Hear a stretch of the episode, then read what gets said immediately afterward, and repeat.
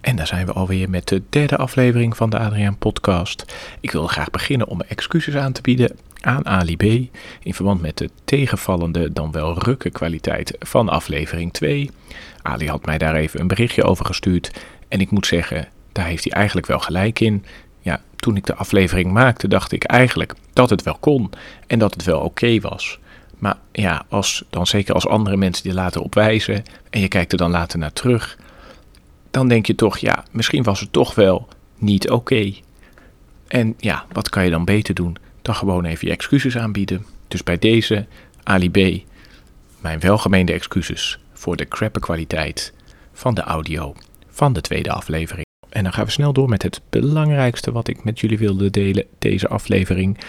Een paar weken geleden was ik met mijn zoontje in een restaurant hier in Rotterdam en hij moest naar de wc. En mijn zoontje is drie jaar, dus dan ga je met hem mee naar de wc. Nou, en ik kwam daar in een wc en dat was toevallig de gehandicapte wc, want die was vlakbij. En toen viel mij op dat er zo langs de muur, ongeveer 10 centimeter boven de grond, een koordje gespannen was, wat zo helemaal 360 graden dat hele kamertje rondging. En toen dacht ik, oh ja, dat ken ik nog wel van vroeger. Dat is een koordje, daar kan je aan trekken als je nou, in de problemen bent gekomen en je kan jezelf niet redden, omdat het een gehandicapte wc is. En uh, toen moest ik even terugdenken aan een vrouw van, uh, nou ik denk 35 of 30 jaar geleden. Toen ik zelf nog uh, klein was, een jaartje of acht of zo. Toen gingen wij altijd waterpolo trainen in een zwembad in Emmeloord. De Kinkoren, represent. En um, daar was ook zo'n wc. Ook met zo'n touwtje. Eigenlijk precies hetzelfde systeem. En wat er toen gebeurde was dat uh, een van onze vriendjes van trainen... die uh, dacht voor de gein van... ja, ik trek even aan dat touwtje... en dan uh, gaan we kijken wat er gebeurt. Maar ja, er gebeurde eigenlijk helemaal niks. En wij zijn gewoon daarna nou ja, afdrogen... en kleren aantrekken... en met papa en mama mee naar huis gegaan. Maar toen kwamen we dus de volgende, de volgende week kwamen we weer voor de, voor de volgende training. En toen moesten we allemaal op een bankje zitten in het zwembad van de trainer. En die ging toen vragen, ja, wie heb er aan het touwtje getrokken van de gehandicapte wc vorige week? Nou, we riepen natuurlijk allemaal meteen, ja, Sander, Sander trok aan het touwtje. Het was Sander, het was Sander. Zo gaat dat met kleine kinderen. Dan uh, denk je, ja, fuck it, ik wil zelf niet uh, de lul zijn.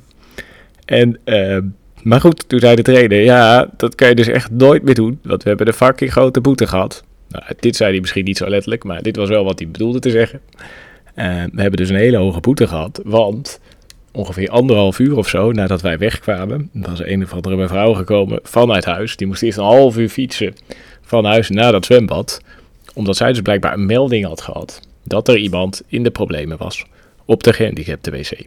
Zij is vervolgens daar gaan kijken. Nou, er was natuurlijk niemand. Dus ja, zij was eigenlijk voor Jan Doedel uh, helemaal naar het zwembad gegaan. En moest vervolgens ook weer helemaal terugfietsen. Nou, en die was dus waarschijnlijk uh, best wel pissed off daarover.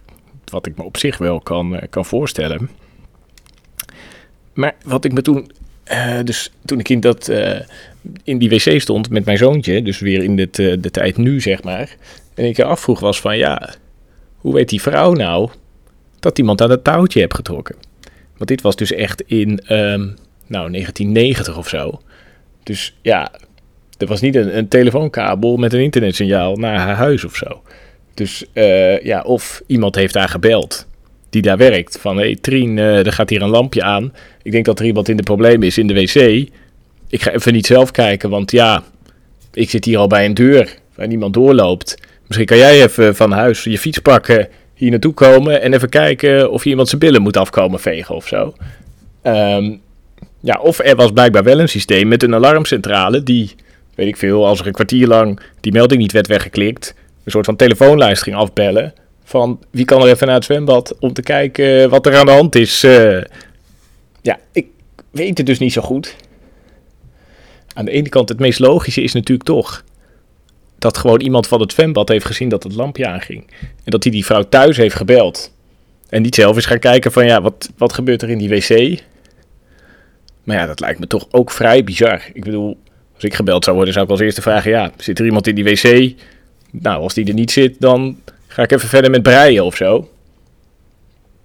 Nou ja, het is ook wel ingewikkeld als er dus een hele telefooncentrale zit die alleen voor dit soort dingen en dan een soort van personeelslijst van de zwembad gaat afbellen.